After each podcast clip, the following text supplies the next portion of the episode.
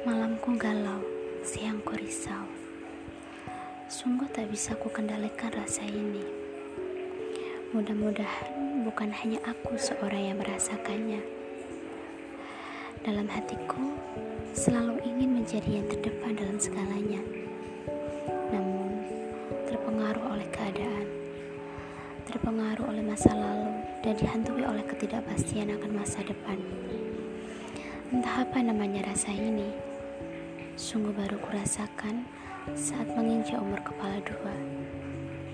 Apakah ini yang disebut cinta? Atau apakah ini yang disebut dengan puber? Di manakah hatiku? Siapakah yang menemukan hatiku?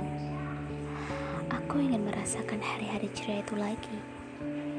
Hari tanpa ada aral dan onak dalam hati.